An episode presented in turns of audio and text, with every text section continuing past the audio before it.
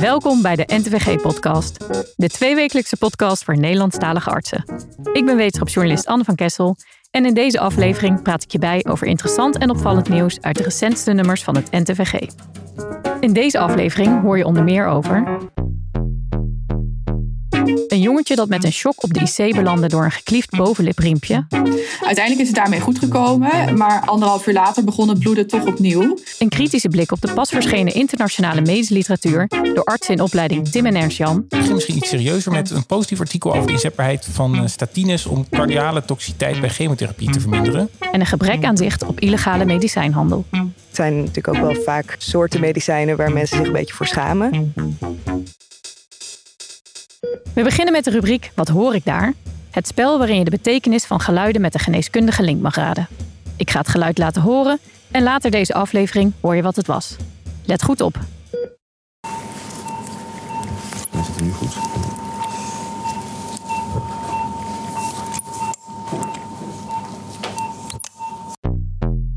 Laat het even op je inwerken. Gaan wij ondertussen door met het eerste interview van Job. Bij slecht drinkende pasgeborenen wordt steeds vaker een strak tongriempje ingeknipt, vaak in combinatie met het bovenlipriempje. Bewijs dat dit helpt is er niet. De casus van een jongetje dat na de ingreep op de IC van het Martini ziekenhuis in Groningen belandde, illustreert dat het baat het niet, schaadt het niet, ook niet opgaat. Job sprak met eerste auteur Anne Hendrik, inmiddels AIOS kindergeneeskunde in Medisch Spectrum Twente. Ja, welkom Anne. Dankjewel. Heftig verhaal wat jullie hebben beschreven in, eh, in dit artikel. Zeker. Zou je kunnen vertellen, eh, om te beginnen, uh, nou ja, de casus. Uh, zij kwamen binnen, Ja. de ouders en hun zoontje. En wat, ge- wat gebeurde er toen? Wat, wat, was er, wat was de situatie op dat moment? Ja, ze kwamen binnen met hun zoontje van 10 dagen oud. En het was eigenlijk voor alle hulpverleners direct duidelijk dat dit niet goed ging met deze jongen. Mhm. Vooral omdat het kind echt extreem bleek zag. Die ouders kwamen binnen en die hadden ook alle spullen bij zich eigenlijk van de afgelopen nacht. Drie hydrofiele doeken vol met bloed. En ze hadden ook nog een rol keukenrol mee in de auto eh, waarmee ze het bloeden hadden geprobeerd te stoppen. Dus dat was direct heel indrukwekkend dat we zagen deze jongen heeft al veel eh, bloed verloren. Ja. Dus dan begin je direct met de opvang, eh, nou ja, zoals we dat als dokters doen, volgens de ABCDE-standaard. Dus eerst kijk je naar de ademweg, of die vrij is. Nou, dat was bij deze jongen al bedreigd, omdat hij actief bloedde uit de mond. En dat er daarbij ook stolsels ontstonden in de mond. Dus je kan je voorstellen dat dat een gevaarlijke situatie is. Als de mond niet vrij is en de baby moet adem kunnen halen. Dus wat extra zuurstof gegeven, dat we toch zagen dat deze jongen het moeilijk had. En natuurlijk het probleem van het bloedverlies. Dus daar zijn we snel op verder gegaan. Ja. ja. En hoe is het in het kort vanaf dat moment verder gegaan met de behandeling met het jongetje? Nou, het kort hadden we echt moeite om de bloeding te stoppen. Dus uh, dat hebben we afgedrukt. Met medicijnen, ook op gaasjes. En hij heeft van onze bloedtransfusie gehad. Hij heeft vullingen gehad met vocht. Hij heeft ook extra uh, plasma gekregen waar stollingsfactoren in zitten. En nog uh, vitamine K en tranexaminezuur om de stolling te bevorderen. Ja, en uiteindelijk is het daarmee goed gekomen. Uiteindelijk is het daarmee goed gekomen, maar anderhalf uur later begon het bloeden toch opnieuw. Uh, waarop we nog een keertje vooral hebben afgedrukt met gaasjes met uh, xylometazoline en tranexaminezuur erop. Ja. ja, dan gaan we toch nog even terug in de tijd. Nou ja, waar, waarom is deze ingreep gedaan en waarom wordt deze ingreep eigenlijk gedaan? Nou, deze ingreep wordt gedaan bij baby's waarbij het idee bestaat of het vermoeden bestaat dat de tongriem of de bovenlipriem te kort is. En dat ze daardoor moeite hebben met drinken. En ik begreep in dit geval was het aangeraden door de kraamhulp en ja. gedaan door de verloskundige. Ja, klopt. Vaak wordt er, is het omdat het drinken niet goed gaat, maar het drinken ging eigenlijk niet zo slecht. Alleen niet volgens de letteren der kunst. Nee, maar wat wij van de ouders hebben begrepen is dat nou ja, vooral kraamhulp en ouders ook vonden van hij drinkt de flessen niet helemaal leeg. Nou, misschien dat dat dan een reden kan zijn om hem te helpen en het tongriempje te klieven. En dat is dan in dit geval gedaan met een schaar? In de literatuur wordt beschreven dat het inderdaad met een schaar gedaan kan worden, of met een laser of met elektrochirurgie. En dan wordt dan vaak ook meteen die bovenlip meegenomen hè, als je toch bezig bent. En dat is daar waar, waar het nu in dit geval misgegaan is. Ja. Maar er werd dan toch vaak gedacht, baat het niet, schaadt het niet of zo. Op basis van een soort mechanistische verklaring dat het zou kunnen helpen en dat het een vrij eenvoudige ingreep is over het algemeen. Ja, er wordt inderdaad over geschreven van het is een makkelijke ingreep bij baby's, omdat het een heel dun uh, vliesje, een membraan betreft wat je doorknipt. Um, waarvan gezegd wordt van dat is ook eigenlijk niet pijnlijk omdat het niet geïnnerveerd is. En dat er geen bloedvaten doorheen lopen ook niet uh, gevaarlijk. Maar in recente literatuur wordt toch ook wel beschreven dat daar ook wel twijfel over bestaat. Van uh, lopen daar niet toch belangrijke zenuwen door die structuren heen waar je op latere leeftijd last van kan krijgen als dat doorgeknipt is. Het punt van ons stuk is ook van daar moet je zeker wel goed over nadenken. En het is niet iets om zomaar te doen. Ja. Wat we ook uitgebreid in het stuk beschrijven, is dat de literatuur voor de effectiviteit van deze handeling op het effectief drinken aan de borst heel erg matig is. Het bewijs wat daarvoor bestaat. Ja, en dat terwijl het eh, niet alleen in Nederland, maar ook internationaal heel erg toeneemt. Klopt. Ja, ja, ja. nee, dat klopt. Er zijn duidelijk cijfers, ook vanuit uh, vooral westerse landen, of eigenlijk alleen uit westerse landen, dat in Engeland, de VS, Canada bijvoorbeeld, dat daar echt exponentiële toename van het uitvoeren van deze handeling wordt gezien. En veel al bij hoger opgeleiden ook. Ja. En hebben jullie nou ook nog contact gehad met uh, de, de betrokkenen hierover? Hoe kijken die erop terug? De ouders zijn heel bang geweest en hebben zich ook heel schuldig gevoeld achteraf. Omdat zij zelf al twijfelden over het wel of niet laten doen hiervan. En uiteindelijk dan op aandringen van de kraamverzorgster dit inderdaad gedaan hebben. Maar dat het ook allemaal heel snel is gegaan. Dat er ook tegen hen werd gezegd hoe sneller hoe beter. Dus dat ze zich daarin toch ook wel gepusht hebben gevoeld. En daarom nu achteraf denken van ja, waarom? En dan ook nog met deze uitkomst. Ja, de andere professionals? Vanuit de kinderarts is er contact geweest met de betreffende kraamverzorgster en ook de verloskundige. En ook in overleg uh, is het gemeld bij de inspectie door de verloskundige zelf die het heeft uitgevoerd. En zij waren allemaal natuurlijk ook enorm uh, geschrokken. Is het ook een reden voor hun om anders naar die ingreep te kijken, voor zover jullie weten? Daar heb ik zelf geen contact met hen over gehad. Uh, maar ik weet dat zij open stond voor nou ja, verder uh, beraad hierover. En ook met elkaar kijken van hoe wordt dit gedaan en moeten we hier iets in veranderen. Uh, bezint, erge, er elke keer weer opnieuw aan begint. Geef de baby ook de tijd. En zorg ervoor als de baby niet goed drinkt. Dat je eerst alles eraan hebt gedaan om de borstvoeding te optimaliseren. En dat je goed met elkaar hebt gekeken van kan er een medische onderliggende oorzaak zijn. Ja. Waarom het drinken niet lukt. En als je eerst gaat klieven en dan daar het effect van gaat afwachten. Nou dan levert dat toch ook vertraging op in de diagnostiek van eventueel andere problemen. Dankjewel. Dankjewel Job en Anne. Het artikel van Hendricks en collega's is vanzelfsprekend te vinden op ntvg.nl onder podcast. Reageren mag zoals altijd via podcast.ntvg.nl. De warme douche is deze keer voor de Paracetamol Challenge. Aan de lijn heb ik ziekenhuisapotheker Nicole Hunveld van het Erasmus MC. Goedemorgen Nicole, gefeliciteerd met de warme douche. Een maand geleden lanceerde jij op LinkedIn de Paracetamol Challenge om ziekenhuizen 25% minder intraveneuze paracetamol te laten geven en dat te vervangen door orale tabletten. Waarom is dat beter? Als je kijkt naar milieu en naar de kosten, dan is voor beide beter om tabletten te doen in plaats van een fles, een glazen fles met paracetamol. Ik had daar wat cijfers bij gezocht en toen dacht ik, ja, het verschil is toch eigenlijk wel heel groot. En dit is iets wat je best ook makkelijk kan doen in je ziekenhuis. Dus ik dacht, ja, dan gaan we dat gewoon breed wegzetten en eens even kijken wat er gebeurt. En over welke cijfers hebben we het? Nou, als je kijkt naar het verschil financieel, dan zijn de tabletten een stukje goedkoper. Dat scheelt ongeveer 1,80 euro per gift. En als je kijkt naar het gewicht, dan is zo'n flesje paracetamol vooral zwaar omdat het een glazen flesje is. En in veel ziekenhuizen wordt dat verbrand als ziekenhuisafval. Dus daar betaal je ook nog voor omdat het gewicht is. Dus als je dat niet hoeft te doen, scheelt dat enorm.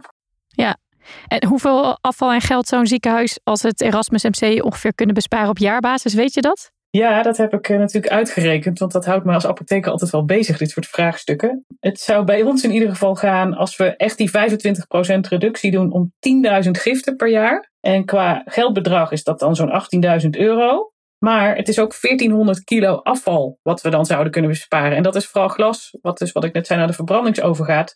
En is maar voor één geneesmiddel. Hè? Ja. Dus dat is best grote impact voor één middel. Ja. En voor ziekenhuizen die nog mee willen doen en de LinkedIn-post gemist hebben, hoe werkt de challenge? En als ze nog mee willen doen, dan uh, mogen ze mij even opzoeken op LinkedIn. Ik uh, sta daar als Nicole Hunveld. En dan kun je de challenge vinden en meld je dan daar alsjeblieft even aan. Dan houden wij in ieder geval bij die zich al gemeld hebben. En we gaan er binnenkort vervolg aan geven. Oké. Okay. Ja, ik zag al tientallen reacties in de comments onder je post. Hoe loopt het nu? Ja, dat, dat weet ik dus eigenlijk niet. Want iedereen is als het goed is bezig. En er zat wel een vakantieperiode tussen. Dus ik uh, hoop dat de meeste ziekenhuizen in, uh, in september kunnen meten. En dat we in oktober uitslagen gaan krijgen. Ja, spannend. en je bent programmacoördinator onderzoek een duurzaam Erasmus MC. Komen er nog meer challenges aan? Ja, ik zit nu te broeden op nieuwe. Dus als mensen ze weten, doe alsjeblieft hetzelfde als wat ik heb gedaan. Want het is heel leuk om met elkaar dit te doen. Het gaat ook echt wel leven in het ziekenhuis, merk ik. En verder ben ik zelf natuurlijk vanuit mijn vak ook wel aan het nadenken. En mogelijk gaan we iets doen met bijvoorbeeld maagzuurremmers of zo. Ah ja. dat kan, daar zit denk ik ook nog veel ruimte. Het mooie aan deze challenge vond ik ook dat het, dat het breder getrokken wordt ook naar andere ziekenhuizen. Is dat ook het idee van andere challenges? Dat het meer naar een landelijk initiatief getrokken wordt? Er zit echt enorm veel energie op en het is heel leuk om dit met elkaar te doen. En ook vervolgens met elkaar natuurlijk even over te hebben van hoe doe je dat en lukt het. Het motiveert en inspireert heel erg. Ja, zeker. Dankjewel Nicole. We zullen de link naar je post in de show notes zetten. We gaan weer luisteren naar de mannen van de House of Podcast, Tim Dekker en Ernst-Jan van het Woud. Zij kammen voor ons iedere keer stapels medische literatuur door. Heren, wat hebben jullie voor ons gevonden? Yes, uh, dankjewel Anne. We hebben er weer zin in. We hebben namelijk hele uiteenlopende artikelen weer dit keer te bespreken. Uh, zo bespreken we een leuk stuk uit de Lancet over een effectieve interventie bij slapeloosheid. Ook wel een innovatief artikel wat kijkt naar een uh, moderne manier om alcoholgebruik onder studenten te verminderen. We beginnen misschien iets serieuzer met een positief artikel over de inzetbaarheid van statines om cardiale toxiciteit bij chemotherapie te verminderen. Tim, leg uit, waar gaat dat precies over en, en hoe hebben ze het onderzocht? Het gaat om de Stop-CA-trial. En de resultaten daarvan staan in de JAMA, geschreven door Nielen en collega's. Het gaat over een specifieke groep aan chemotherapeutica, namelijk de anthracyclines. Uh, het meest gebruikte middel in die groep is denk ik doxorubicine. Nou, er wij gebruiken dit middel vrij vaak voor de behandeling van lymfomen. Het zijn effectieve middelen, breed inzetbaar. Los van lymfomen worden ze ook bij mammacarcinoom en ovariumcarcinoom gebruikt. Uh, maar er is één groot nadeel aan deze middelen, namelijk cardiotoxiciteit. En dan met name hartfalen. Nou, er wordt langer gekeken naar een manier om deze bijwerkingen te voorkomen. En nu lijkt er dus een effectieve interventie te zijn. Ja, namelijk statine. Ik was wel een beetje verbaasd, want dat leek mij niet direct logisch. Want ik dacht dat dat dan vooral zou werken bij patiënten met een hoog cardiovasculair risico. Dus hoe werkt het dan in het geval van cardiale toxiciteit bij anthracyclines? Is dat dan toch coronair schade of is er een ander mechanisme? Ja, dat is anders. Namelijk het beschermingsmechanisme heeft niet echt iets met atherosclerose of met endotheelschade te maken. Basaal onderzoek laat zien dat waarschijnlijk een antioxidatief effect is. Dus doxorubicine zorgt voor het ontstaan van vrije radicalen in de hartspier. En dat kan schade veroorzaken en daar kan een uh, statine blijkbaar wat aan doen. Nou, dat klinkt goed op papier uh, en ook al in de reageerbuis, maar maakt het nu ook echt een verschil voor de patiënt? Dat hebben we nu gelukkig onderzocht. Dus uh, wat zijn de resultaten? Dus de studie die uh, dit beschrijft als een dubbelblinde gerandomiseerde studie met 300 patiënten die vanwege een lymfoom werden behandeld met anthracyclines. En dat gebeurde in relatief hoge doses. En dat is ook belangrijk omdat die toxiciteit is ook dosisafhankelijk. En patiënten werden gerandomiseerd tussen placebo en atorvastatine 40 milligram. En dat gebeurde al voor de start van de chemotherapie. En vervolgens gebruikten patiënten dit gedurende één jaar. Ja, primaire uitkomst was de afname in injectiefractie na 12 maanden. Uh, en deze afname was een stuk kleiner in de statinegroep. Dus het lijkt beschermend te werken. Dus met andere woorden, uh, tijdens het gebruik van anthracyclines was er met statine minder afname in de hartfunctie dan bij mensen die geen statine gebruikten. Nou, dat klinkt vast heel goed. En als we dat proberen iets concreter in getal uit te drukken, hoeveel verschil maakt het dan? En merken mensen daar klinisch ook al wat van of dat nog niet? Nou, het eindpunt was een afname van 10% in de ejectiefractie naar onder 55%. En dat was het geval in 22% van de mensen in de controlegroep en 9% van de mensen in de statinegroep. Dus dat is toch wel een, ja, vind ik wel een aanzienlijk verschil. In de echte diagnoses hartfalen zat maar een klein en niet significant verschil. Maar goed, ook al zie je dat verschil in hartfalen niet, ook die verminderde afname in injectiefractie lijkt me een mooi resultaat. Zeker bij steeds langere overleving na behandeling met chemotherapie. Een eerdere studie liet dit effect trouwens niet zien bij een statine met uh, borstkankerpatiënten. Dat noemen de onderzoekers ook. Dat is waarschijnlijk heeft dat te maken met dat die toch een lagere dosis anticyclines kregen. En dat maakt de voorafkans op cardiotoxiciteit in die studie ook lager. En is er dan ook minder preventiemogelijkheid. Maar ja, bij lymfoombehandeling lijkt het dus wel te werken. Ja, en daar, daar lijkt het wel op, hè, maar of het inderdaad breder geïmplementeerd gaat worden, is denk ik afwachten. Maar ja, er zitten wel veel voordelen aan deze interventie en ja, weinig nadelen wat betreft bijwerking of kosten wat mij betreft. Dus het zou mij niet verbazen, Erzo. Nee, mij ook niet. Dus gewetensvraag Tim, volgende lymfoompatiënt die jij behandelt, krijgt die van jou een statine? Ja, ik denk het wel, Erzo. Goed, door naar het volgende artikel. En dat is dan weer iets heel anders, namelijk slapeloosheid. Nou, veel voorkomend probleem, natuurlijk zeker in de eerste lijn. En waar iedereen dan direct aan denkt zijn adviezen over uh, slaaphygiëne. Nou, en Jean, die heb ik ook regelmatig uitgedeeld. Maar nu lees ik eigenlijk terug in het artikel dat daar maar eigenlijk heel weinig bewijs voor is wat betreft effectiviteit. Maar wel aangetoond effectief is cognitieve gedragstherapie. Alleen dat wordt dan eigenlijk maar weer relatief weinig ingezet. Ja, dat komt waarschijnlijk deels ook wel door eh, beschikbaarheid. Daarom is er nu een Britse studie van Kelly en collega's. Dat is gepubliceerd in de Lancet. En die hebben gekeken of een kortere, minder intensieve behandeling gericht op slaaprestrictie ook effectief kan zijn in de behandeling van slapeloosheid. Ze hebben ruim 600 patiënten met slapeloosheid gerandomiseerd tussen die slaaprestrictiebehandeling en de controlearm met uh, alleen slaaphygiëneadviezen. Het is wel goed om te vermelden, voordat we doorgaan naar de resultaten, de patiënten in deze studie waren zeker geen mensen die af en toe eens wakker lagen, maar het waren echt wel mensen met langer bestaande slaapstoornissen. De gemiddelde patiënt in deze studie had al tien jaar klachten. Maar goed, Ernst, nu vind ik slaaprestrictie niet echt klinken als een hele logische behandeling voor slapeloosheid, als ik eerlijk ben. Wat is hier nou eigenlijk de achtergrond van? Ja, zelf ook even weer uh, op moeten zoeken. Maar dat klinkt inderdaad misschien gek. Die behandeling die is niet bedoeld om de daadwerkelijke slaaptijd te beperken. Maar meer om de tijd die in bed wordt doorgebracht effectiever te gebruiken. Dus het uiteindelijke doel is om de tijd die je doorbrengt in bed te besteden aan slaap en niet aan wakker liggen. En deze tijd dan geleidelijk uit te breiden. Oké, nou dat klinkt logisch. Maar waar bestond deze verkorte behandeling dan concreet uit? En ook uh, belangrijk, wie, wie gaf het? Nou, in Engeland werd dat gedaan door een uh, eerste lijnsverpleegkundige. Die had vier uur training gehad over deze behandeling. En het traject van de patiënten bestond dan uit een programma van vier weken met twee fysieke en twee telefonische afspraken over die slaaprestrictie. En patiënten moesten zelf een dagboek bijhouden over hun slaap, om dat bij die sessies dan te bespreken. En de primaire uitkomst, dat was een zelfgerapporteerde score op een gevalideerde slapeloosheidschaal. Maar er wordt ook gekeken naar andere zaken als uh, kwaliteit van leven en uh, depressieve klachten. Nou, dat klinkt in ieder geval een stuk minder intensiever dan een volledig traject met cognitieve gedragstherapie. Maar was het ook effectief? Ja, dat was het. Dus er werd bij baseline gekeken en bij 3, 6 en 12 maanden. En de groepen hadden bij het begin dezelfde score op die slapeloosheidschaal. En die score die verbeterde in beide groepen. Maar er was een significant grotere verbetering in de behandelgroep met die slaaprestrictie. Ze hadden in die interventiegroep 42% een echt klinisch relevante verbetering op die slapeloosheidschaal. En dat was maar 17% in de controlegroep. Met andere woorden, die verkorte gedragstherapie is beter dan alleen advies over slaaphygiëne. En dat verschil dat bleef gestaan gedurende 12 maanden. En ook qua secundaire uitkomstmaten waren er minder depressieve klachten in de interventiegroep op zes maanden. En ook wel echt opvallend vond ik, ze misten minder werkdagen. Dus uh, effectief op meerdere fronten. Ja, dat klinkt inderdaad wel erg effectief. Met denk ik ook in potentie een belangrijke rol voor de praktijkondersteuner hier in Nederland. Dan moet ik wel zeggen dat de resultaten in de controlegroep me overigens ook niet uh, tegenvielen. Um, ja, en het liet ook maar weer zien dat de gevolgen van slaaptekort erg breed zijn. Tot uh, zowel psychologisch welbevinden tot productiviteit. En dat dit dus te verbeteren valt. Ook als een patiënt al heel lang slapeloosheidsklachten heeft. Dus ja, ik vond het indrukwekkend. Ja, en het laatste artikel wat we bespreken, dat onderzocht of ze problematisch alcoholgebruik onder studenten konden verminderen. Wat op zichzelf al een ambitieus doel is. En de onderzoekers gebruikten hiervoor een moderne tool, namelijk een speciaal hiervoor ontwikkelde app. Ja, het was een Zwitsers onderzoek van Bertolet en collega's gepubliceerd in de BMJ.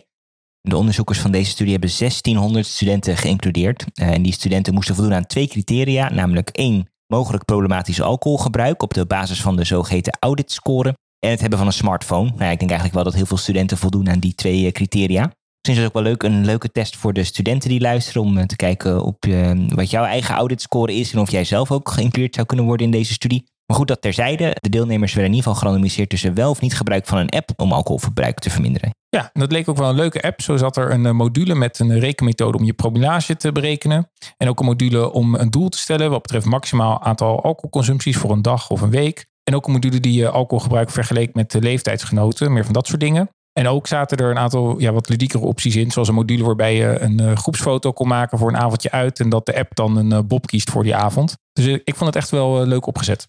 En nu werd er naar 3, 6 en 12 maanden gekeken naar het effect op alcoholconsumptie. Waarbij het primaire eindpunt het aantal eenheden alcohol per week was. En nu was er een uh, verschil tussen beide groepen, statistisch aan net significant, waarbij er gemiddeld 10% minder glazen alcohol per week werd gedronken in de interventiegroep. Dus die app had daar wel effect op. En het was ook consistent op um, zowel 3, 6 als 12 maanden. Dus hoewel beperkt, lijkt die app toch wel een effect te hebben. Echt wel een leuk onderzoek met dus een interventie goed gericht op de doelgroep. De effectgrootte viel me eerlijk gezegd wel een klein beetje tegen. En op papier leken die modules me ook wel innovatief en bruikbaar. Maar ja, een deelnemer gebruikte gemiddeld maar twee van de zes modules. Dus misschien dat wat meer stimulatie tot het gebruik van alle uh, modules had uh, geleid tot een groter effect. Wat ik leuk vond is dat er nu dus gewoon een app is ontwikkeld en dat ze wel echt een effect hebben bereikt. Wat laat zien dat dit een goede en effectieve manier is om in dit geval preventieonderzoek te doen. Dus dat gaan we vast in de toekomst nog veel vaker zien bij, bij studies. Dat was het uh, voor ons. Hartelijk dank voor het luisteren en uh, graag tot de volgende keer. Terug naar jou, Anne. Bedankt, mannen. We horen over twee weken weer van jullie. Van het wetenschappelijke nieuws gaan we door naar het antwoord op de vraag: wat hoor ik daar? Het geluid dat je aan het begin van de show hoorde is opgenomen door Richard ten Broek, chirurg in het Radboud UMC. Is het nu goed. Goedemorgen, Richard. Nou, het feit dat je chirurg bent en het geluid zelf hebt opgenomen, geeft wellicht al iets weg. Maar vertel, wat hoorden wij? Het uh, openen van een Finochetto-spreider. En dat is een eh, speciaal soort spreider die bedoeld is om tijdens operaties in de borstkast de ribben te spreiden, zodat je beter bij bijvoorbeeld de long kan. Het komt al uit 1914, zag ik. En het ziet er behoorlijk lomp uit. Kun jij het eens omschrijven? Ja, het is een instrument met uh, twee bladen van de spreider die aan elkaar verbonden zijn door middel van een soort staaf waar tandwielen in zitten en een tandwieltje waar je aan draait zodat die spreider langzaam steeds verder open gaat. Die bladen zijn inderdaad vrij fors. Die zijn bedoeld om de ribben achter te haken. En ja, het zaak is om ze langzaam open te spreiden. En door aan dat tandwiel te draaien, dan draai je dus als het ware die ribben uit elkaar. Ja, dat klopt. Door wanneer je aan het tandwiel draait, gaan de bladen steeds verder uit elkaar, waardoor de ribben verder openspreiden. En die ribben kan je in feite vrij ver open spreiden. Het is wel zaak om dat rustig aan te doen, want door de spierspanning van de spieren die rondom de ribben zitten, kan het zijn dat als je dat te snel doet, dat de ribben breken. Maar dat hoorden we in dit fragment niet, toch? Nee, in dit fragment ging het uh, keurig. Oké, gelukkig. Want wat we dus horen is het draaien aan het tandwiel. Ja, wat je hoort is inderdaad het draaien aan het uh, tandwiel. Best bijzonder dat er een instrument uit 1914 nog altijd gebruikt wordt. Ja, dat klopt. Maar op zich is het zo dat veel van de chirurgische instrumenten ja, toch wel wat aangepast zijn, maar toch al wat langere tijd meegaan. Er zijn natuurlijk de laatste decennia wel veel nieuwe eh, instrumenten op de markt gekomen voor kijkoperaties. En dat heeft ook zijn intrede gedaan in de ja, thoraxchirurgie, zoals we dat noemen. Dus we zien ook dat de laatste jaren ook longoperaties steeds vaker met een kijkoperatie gaan. En dan is deze spreider vaak alleen op het laatst nodig om het preparaat uit te nemen. En heb je dus ook veel minder grote wond nodig en hoef je deze ding ook veel minder ver te spreiden. Interessant, dankjewel Richard. Heb je nou ook een geluid dat je graag wil inzenden? Stuur het naar podcast.ntvg.nl en wie weet spreken we je binnenkort. In het tweede interview van vandaag bespreekt Job met vertrekkend NTVG-redacteur Lara Harmans haar onderzoek naar illegale medicijnhandel in Nederland. Harman stelt dat het gebruik van dergelijke medicijnen verschillende risico's oplevert waarvan artsen zich bewust moeten zijn. Ja, welkom Lara bij je, je slotinterview eigenlijk, hè? Een soort van. Ja, dat klopt. Dankjewel. Je hebt je nogal diep verdiept in uh, medicijnhandel, illegale medicijnhandel. is niet echt een onderwerp waar je heel makkelijk even de cijfers voor opvraagt. Het is uh, een probleem wat eigenlijk ook wel grotendeels onder de radar blijft. Er is ook geen directe data van de omvang te vinden. Maar er Mhm. zijn wel een paar routes waarmee je er in ieder geval een beeld van kunt krijgen. Ja, en welke zijn dat? Je hebt bijvoorbeeld de inbeslagnames van de IGJ, maar illegale medicijnen zijn dan vaak maar bijvangst. Daarnaast zijn er rioolwatermetingen. Die doen het heel goed, alleen zijn natuurlijk wel gericht op één specifiek soort medicijn. Dat kun je dan leggen naast het aantal medicijnen dat verkocht is. Dan kun je zien wat voor verschil erin zit. En je hebt vragen die aan het Nationaal Vergiftigingen Informatiecentrum zijn gesteld. Die worden geregistreerd. Alleen dat is natuurlijk eigenlijk alleen maar als er iets misgaat. Ja. In 2018 is er wel een schatting gemaakt dat waarschijnlijk 1 op de 30 mensen minimaal één keer in zijn leven online illegaal medicijnen heeft gekocht. Nou ja, 1 op de 30. Het is ongeveer 3 procent. Ja, Ja. ongeveer 3%. En dat is alleen online illegaal medicijnen kopen. Dat is natuurlijk ook maar een onderdeel van illegale medicijnhandel. Ja, dat zijn dan de cijfers die we hebben. Wat moeten we daarvan vinden? Is dat veel? Is dat weinig? Eh, wat, wat vinden de mensen die je daarover gesproken hebt? Het komt redelijk veel voor. Het komt waarschijnlijk meer voor dan we denken. En het kan natuurlijk wel problemen voor de gezondheid opleveren. Ja, want dat wil ik net vragen. Wat, wat zijn nou de belangrijkste punten die, die het gevaarlijk en risicovol maken? Als je met bijwerkingen bij een arts terechtkomt, dan is het nog niet meteen te zeggen dat het over illegale medicijnen gaat. Ja, Die medicijnen zijn niet voor niets receptplichtig. Dus in het regulier circuit worden ze gewoon goed gecontroleerd. Mhm. Dan weten we wat erin zit. En dat is bij illegale medicijnen, weten we gewoon niet altijd wat erin zit. En dat maakt ze ook nog net wel iets gevaarlijker. ja. En natuurlijk die combinatie die er eventueel is met medicatie die mensen zelf al slikken. Ja, het zijn natuurlijk ook wel vaak soorten medicijnen waar mensen zich een beetje voor schamen. Dus waar ze misschien niet voor uitkomen. Vaak weten artsen en apothekers niet dat hun patiënten die spullen gebruiken. Ja. Kunnen daar dan geen rekening mee houden met behandelingen en, en, en andere medicatie. Wat voor soort middelen bedoel je dan bijvoorbeeld? Waar mensen zich voor zouden kunnen schamen dat ze het gebruiken? Bijvoorbeeld eh afslankmiddelen of libido-verhogende middelen. Oh ja. De Viagra-achtige spullen. Ja, Verder vallen er ook nog veel onder de opiumwet of zijn doping gerelateerd. anabolen Ehm, en zo. Ja, maar we weten wel ook van de afgelopen tijd is er ook wel steeds meer bekend over bijvoorbeeld ADHD-medicatie. Die, eh, die wordt verkocht. Wat wordt er nou tegen gedaan? Wat kan er tegen gedaan worden? Dat is wel een lastig punt. De IGJ neemt wel spullen in beslag, maar handelt er vaak niet actief op. Ze hebben geen bevoegdheid om websites uit de lucht te halen. Ja. Van dark web tot social media. Ja. Er schijnt dat relatief makkelijk te verkrijgen zijn. Ook is een groot deel komt uit een buitenland en daar is al helemaal geen bevoegdheid over. Is het ook nog iets van dat je binnen Europa daar nog uh, door samen te werken meer kunt? Of? IGE werkt wel samen met buitenlandse autoriteiten, dus vergelijkbare autoriteiten en met Interpol. Nou ja. Dus dat uh, wereldwijd. Ja, ik weet, niet, ik weet niet precies hoe succesvol dat, uh, dat is. Wat is nou belangrijk voor, voor artsen om te weten in de praktijk? Ja, ik zou artsen vooral mee willen geven dat het misschien vaker voorkomt dan ze zelf denken. En dat artsen er gewoon naar zouden moeten kunnen vragen bij de anamnese. En dat als er direct naar wordt gevraagd, dat mensen daar vast ook wel eerlijk over zullen zijn. Ja. En wat betreft de IGJ, die heeft graag dat mensen er melding van doen, zodat ze misschien ook echt actie kunnen ondernemen. Dus dat zou meer kunnen worden gedaan.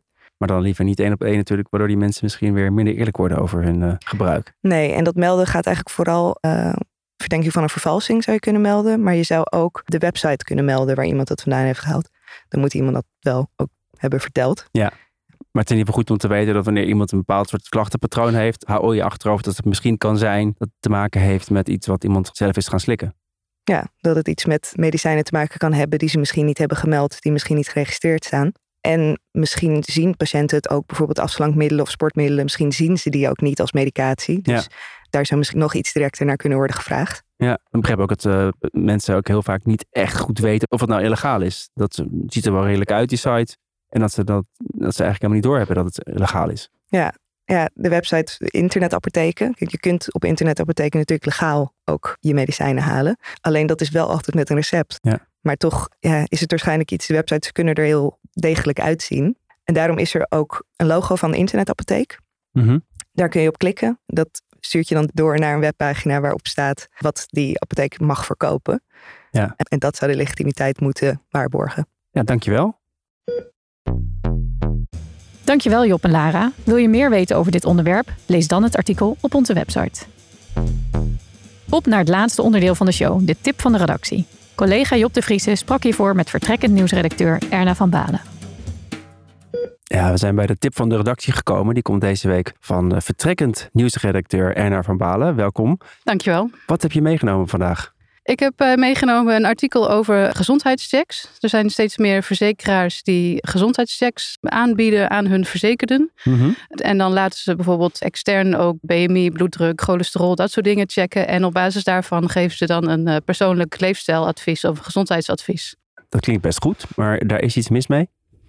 Nou ja, dat klinkt inderdaad best goed, want we vinden met z'n allen dat we meer moeten doen aan preventie. Dat vinden die zorgverzekeraars ook. Maar de vraag is, kan en mag een zorgverzekeraar dat soort advies wel bieden? Het zijn geen uh, medisch opgeleide mensen, of wel medisch opgeleid, maar nou, ze zijn geen zorgverleners. Eigenlijk mag je alleen gezondheidsadvies geven als je ook toegang hebt tot medische gegevens van iemand. Ja. Maar zorgverzekeraars die mogen daar niet bij vanwege privacywetgeving. Dat mag alleen als iemand daar echt toestemming voor heeft gegeven. Dus dat is een beetje de vraag ja, of ze niet te veel op de stoel van de arts gaan zitten. Ja, ik begrijp ook dat de aanleiding kwam van een, van een vrouw die eigenlijk een heel gekke uitslag kreeg. Ja, dat klopt. Op basis van uh, haar hoge totaalcholesterol kreeg ze het advies om uh, haar eetgewoonte aan te passen. Terwijl, nou ja, dat was één meting en het ging dus niet over het slechte cholesterol. Verder had ze BMI, bloeddruk, leefgewoonte, eetgewoonte vragenlijst. Dat was allemaal prima. Dus dan is het een beetje gek dat er dan op basis van één cholesterolwaarde, totaal cholesterol bovendien, advies gegeven wordt dat ze haar leefstijl moet aanpassen. Ja, ja. En waren er dan ook nog consequenties aan verder voor de verzekering zelf of voor punten of zoiets? Of hoe werkt dat in dit geval?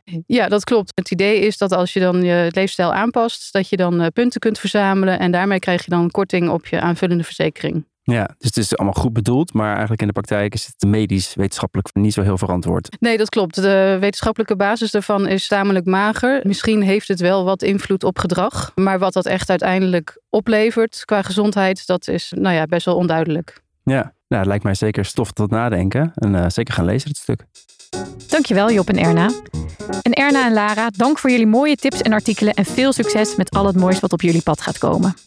Hiermee zijn we aan het einde gekomen van deze aflevering. Over twee weken hoor je ons weer en praat mijn collega Job de Vries hierbij over het laatste medische nieuws. Heb je een vraag of een suggestie voor een van onze rubrieken? Laat het ons weten via podcast.ntvg.nl. Waardeer je onze podcast? Stuur ons dan door naar al je collega's en volg ons op je favoriete podcastkanaal. En laat vooral ook een review achter door een aantal sterren te geven. Zo help je ons om de beste en best beluisterde medische podcast van Nederland te worden. Voor nu een heel fijne dag gewenst en tot de volgende aflevering. En onthoud, een goede arts is een goede luisteraar, dus blijf luisteren. Dit is een podcast van de NTVG-redactie in samenwerking met mij, Anne van Kessel, Job de Vriese, Tim Dekker, Ernst-Jan van het Woud en audiocollectief Visionair Ordinaire.